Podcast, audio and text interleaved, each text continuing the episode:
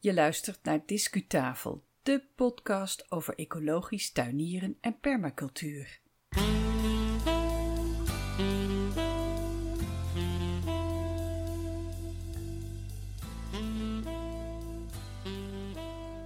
Welkom bij de Discutafel podcast. Fijn dat je weer luistert.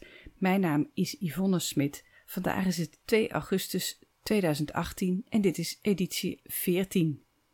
Wat gaan we doen? In de rubriek Discu Nieuws bespreken we enkele blogs en nieuwsbrieven die je misschien interessant vindt. En daarna nemen we je mee voor een rondleiding door een deel van mijn eigen tuin. Veel luisterplezier gewenst.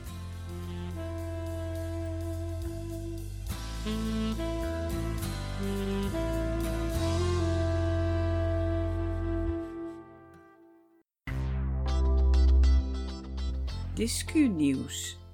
Discutafel heeft je eerder uitgenodigd je favoriete blogs of nieuwsbrieven door te geven over ecologisch tuinieren, permacultuur of duurzaamheid in bredere zin. En zelf volgen we ook enkele bloggers op dit gebied.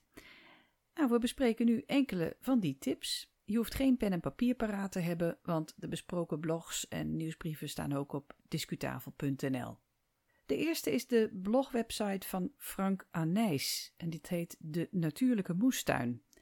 Hier kan je hem volgen op zijn zoektocht om zijn moestuin op te bouwen. Een moestuin waarin gekeken wordt naar het voorbeeld van de natuur en waar de geleerde lessen ook daadwerkelijk worden toegepast. Tuinieren met de natuur mee en niet ertegenin. Dat is zijn uh, motto. Frank is een Belg, dus Nederlandse luisteraars zullen zich soms prettig verwonderen over het taalgebruik. Zijn ouders hebben destijds een didactisch-ecologische ontmoetingsplaats opgericht over permacultuur. Maar pas toen hij volwassen was geworden, begon hij zich voor natuurlijk tuinieren te interesseren. Hij publiceert onregelmatig, maar zo te zien doorgaans wel iedere week.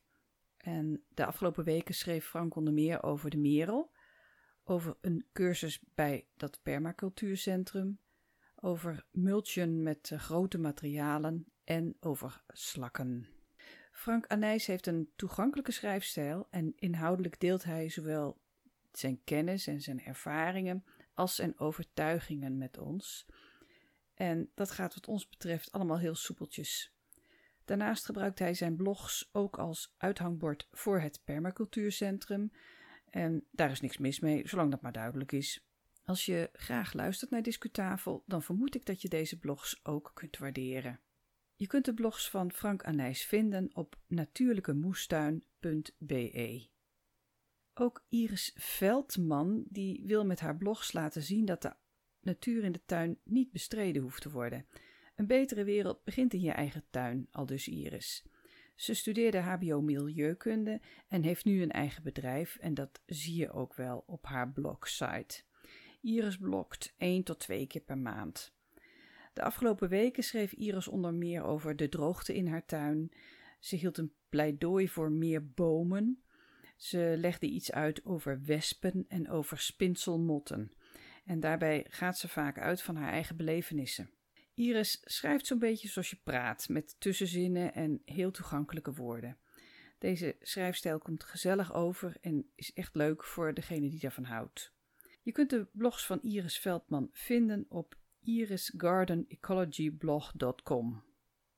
Dan een reactie van onze luisteraar Anja. Zij tipte ons over de blogs van de Engelse Stephanie Hafferty en de Ierse Nikki Kyle. Anja zelf woonde jarenlang in Engeland en ze komt binnenkort weer naar Nederland.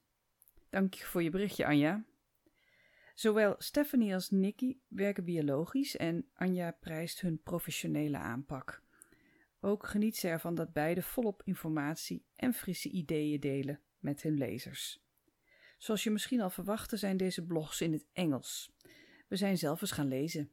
De blogs van Stephanie Hafferty die gaan over no-dig gardening, dat wil zeggen als het ware tuinieren zonder te spitten.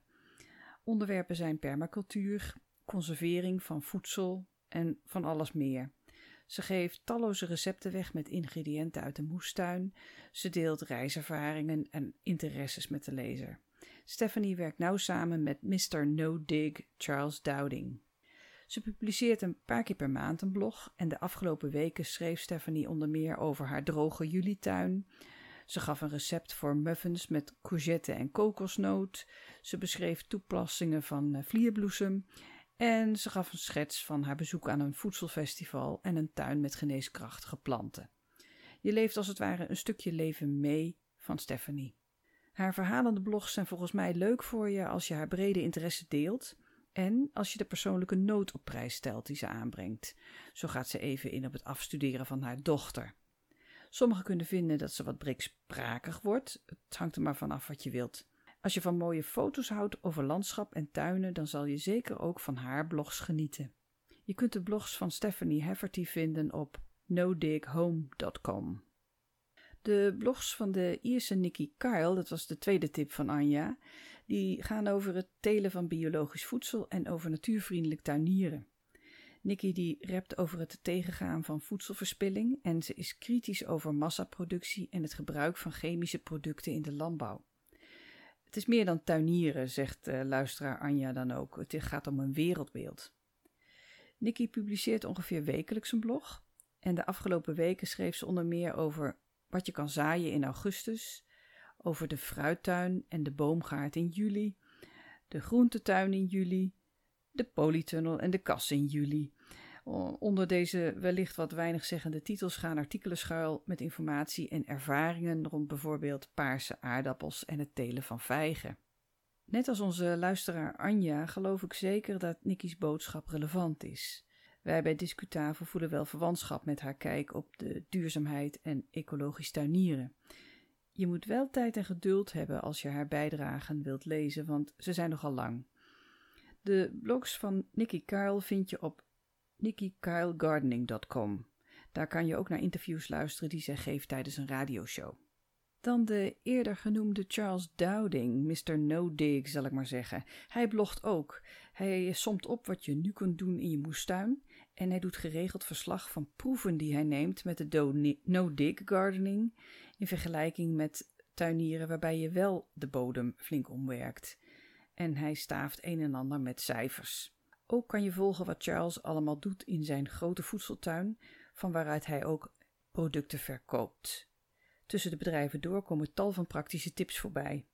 Vind je het leuk om Engels te lezen, dan denk ik dat je van Charles veel kan leren, ook doordat hij zijn blogs ruim voorziet van beelden. Hij blogt zo te zien een paar keer per maand. Je vindt de blogs van Charles Dowding op charlesdowding.co.uk. Maar nu gaan we weer terug naar Nederlandse bronnen. Marlies Notemans van Discutafel die vindt de artikelen van Nudge een aanrader. De meest uiteenlopende zaken op het gebied van duurzaamheid worden daar behandeld. Nudge streeft ernaar om mensen en organisaties te verbinden om duurzame initiatieven van onderaf te realiseren. En dat betekent dat je op de site van Nudge heel praktische tips kunt vinden om duurzamer te leven. Dat varieert van items over minder vlees eten, je voedsel bij een coöperatie kopen, tot tips hoe je thuis je energieverbruik kunt verminderen. Tegelijkertijd vind je er ook informatie over allerlei initiatieven in jouw regio waar je je eventueel bij kunt aansluiten. Initiatieven die jouw steun of medewerking wel goed kunnen gebruiken, maar ook een agenda met activiteiten. Marlies noemt Nudge inspirerend en informatief. Je vindt de artikelen van de uiteenlopende auteurs op nudge.nl. Marlies wijst ons ook op de nieuwsbrief van Voedsel Anders. Voedsel Anders organiseerde twee keer een grote conferentie over voedsel en dit jaar trekt de Voedsel Anders karavaan door het land. Via de nieuwsbrief kan je op de hoogte blijven van waar en wanneer de karavaan halt houdt. Het mooie aan Voedsel Anders is dat het vanaf het begin een heel brede beweging is. Er zitten wetenschappers in, geïnteresseerde leken, kleine en grote ondernemers, de meest uiteenlopende initiatieven op het gebied van een andere voedselvoorziening maken er deel van uit. En dat vind je terug in de nieuwsbrieven. Abonneer je op de nieuwsbrief via voedselanders.nl. Tot slot nog een tip van mij, en die gaat over groenmoes. De nieuwsbrief van Hans van Ekelen over, zoals hij zelf zegt, natuurlijk moestuinieren en eerlijk voedsel. Van Ekelen verspreidt deze maandelijkse nieuwsbrief in een PDF-vorm. Er staat zijn persoonlijke column in. In de recentste aflevering bespreekt hij enkele moestuinplanten. Hij refereert aan nieuwsberichten over bijvoorbeeld de voedselindustrie en hij geeft zijn mening over de ontwikkelingen. Naast serieuze artikelen veroorlooft Van Ekelen zich ook geregeld een grapje. Hij geeft tips over uitstapjes en beantwoordt vragen van lezers. Abonneer je op Groenmoes via groenmoes.nl. Tot zover de tips en onze recensies van blogs en nieuwsbrieven over ecologisch tuinieren en permacultuur. Veel van de genoemde auteurs publiceren trouwens ook via andere kanalen. Denk aan YouTube of uh, Twitter of Facebook. Maar uh, als je de links volgt die op onze website staan, dan kom je daar vanzelf uit. Heb je nog een tip over een tuinblog of een nieuwsbrief over permacultuur? Geef maar door. We zetten het erbij op onze website. Zelf ontdekken we ook nog zo eens het een en het ander. En dan komen we in een later stadium in deze podcast nog wel eens hierop terug. Discu Journaal. Welkom in de Wawona-tuin. Dat is de tuin bij mijn huis. En dat is ook een bron van inspiratie, ook voor Discutafel. Die tuin ligt in, uh, in een stedelijk gebied, op zandgrond. En vroeger was hier uh, boerenland, maar begin jaren 60 is dit een uh, woonwijk geworden. Om mij heen zie ik lage bebouwing en ook mijn eigen huis is laag. Dus in de zomer komt er aan veel kanten van het huis in de tuin komt zon. We zijn er komen wonen in 1994 en toen hadden we al wel natuurvriendelijke ambities, maar intussen heb ik veel meer bijgeleerd en ben ik me steeds verder aan het ontwikkelen richting ecologisch tuinieren en permacultuur.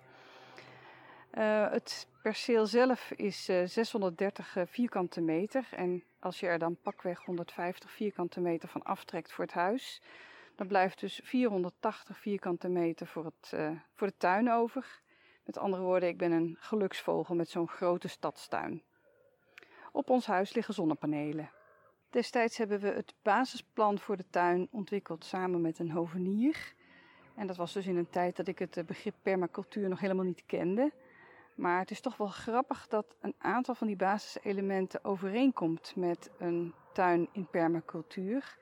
De paden en de hagen die uh, passen daar vrij goed bij. Ze zijn nogal bochtig en de hagen die beschermen tegen de noordoostenwind. Sommige planten die we destijds hebben neergezet, die zou ik nu niet meer doen. Zou ik nu niet meer kopen. Bijvoorbeeld de rhododendron of de rotsheide. Dat is de Pyrus japonica. Dat zijn voorbeelden van planten die veel liever een zurige grond hebben. En dit is gewoon Brabants klapzand. Verder staan er nog wat te veel planten in de tuin die uh, min of meer puur voor de sier zijn. Als ik nu iets verander in de tuin, dan denk ik daarbij toch echt aan meerdere functies per plant.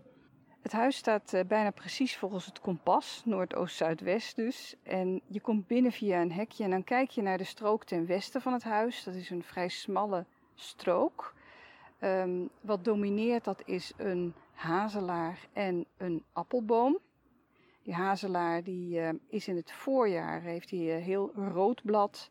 Maar we zitten nu eind juli en dan is het blad weer helemaal groen geworden. De appelboom doet het redelijk, maar niet zo heel denderend. Uh, hoewel deze strook aan de westzijde is gelegen, is hij toch droog. Omdat hij is ingeklemd tussen aan de ene kant het huis en aan de andere kant een vrij hoge ligusterhaag. Kijk je naar de windrichting van uh, van je tuin, in je tuin, dan wil je natuurlijk vooral profiteren van de zon op zuid. Nou, als ik daar naartoe loop, dan zie ik daar een vrij smalle strook. Uh, gelukkig uh, vangt de moestuin op oost ook veel zon. Dus ja, het is allemaal zo laag wat ik net zei. Maakt niet zo heel veel uit. Zuid die kent enkele plantenborders, een terras en op de zuidoosthoek een vijver. Nou, eerst zien we een min of meer mediterrane border die tegen het huis aan ligt. Dus die krijgt niet alleen overdag zon, maar profiteert ook van de warmte die de stenen van het huis afstralen in de avonduren. Hier zie ik onder meer eh, salie en tijm.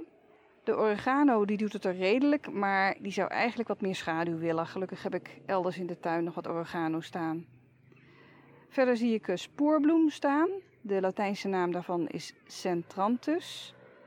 Een sierplant van ongeveer een meter hoog met een beetje grijs-groen blad en een soort roze-paarse bloemen waar de insecten op afkomen. Hij is heel droogtebestendig. Het is nu een heel hete en droge zomer en ik heb hem geen druppel water gegeven en hij staat nog heel redelijk te bloeien. Het is een eh, voedselplant voor de insecten. Hier zie ik ook ezelsoor aan mijn voeten staan, Stachys bisontina. Dat is ook zo'n insectenplant die het goed doet op een zonnige plek met een goed doorlatende grond. Hij heeft uh, grijs blad, een beetje wollig. Dus als er een beetje uh, vocht is, dan vangt hij dat mooi op met zijn, met zijn wollige haartjes op het blad. Ook een goede insectenplant. En even verderop de, de vijgenboom die we onlangs hebben geplant in, in dit stuk van de tuin. Ik zie dat hij wel wat water nodig heeft. Ja, zo'n net geplante jonge boom, die, die ga ik natuurlijk wel apart even begieten. Zoals alle borders in de boestuin en in de rest van de tuin is de bodem zoveel mogelijk bedekt hier. Ik pas de methode toe van chop and drop. Dat wil zeggen, wanneer ik een plant een beetje snoei of ik haal er het dode bloemetje van af, dan laat ik in beginsel de kleine snoeideeltjes gewoon op de grond vallen op de plek waar ik de plant heb gesnoeid. Zo krijg je vanzelf een bedekte bodem. En verder zorg ik natuurlijk ook voor bodembedekkende planten.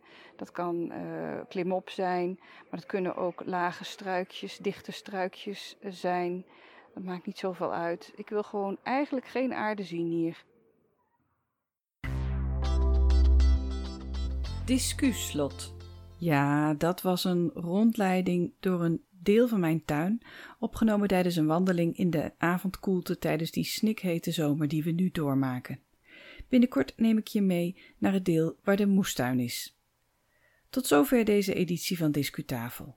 Ga naar discutafel.nl voor links voor onze contactgegevens en voor meer informatie, ook over de onderwerpen uit deze aflevering en de andere afleveringen van deze podcast. Discutafel is een initiatief van Yvonne Smit met medewerking van Marlies Notermans. We danken je voor het luisteren. Je reactie is en blijft van harte welkom. En natuurlijk vinden we het fijn als je ons een waardering geeft via je podcast-app. De volgende editie van deze Discutafel podcast kan je beluisteren vanaf 16 augustus 2018. Ga intussen lekker naar buiten en graag tot de volgende keer.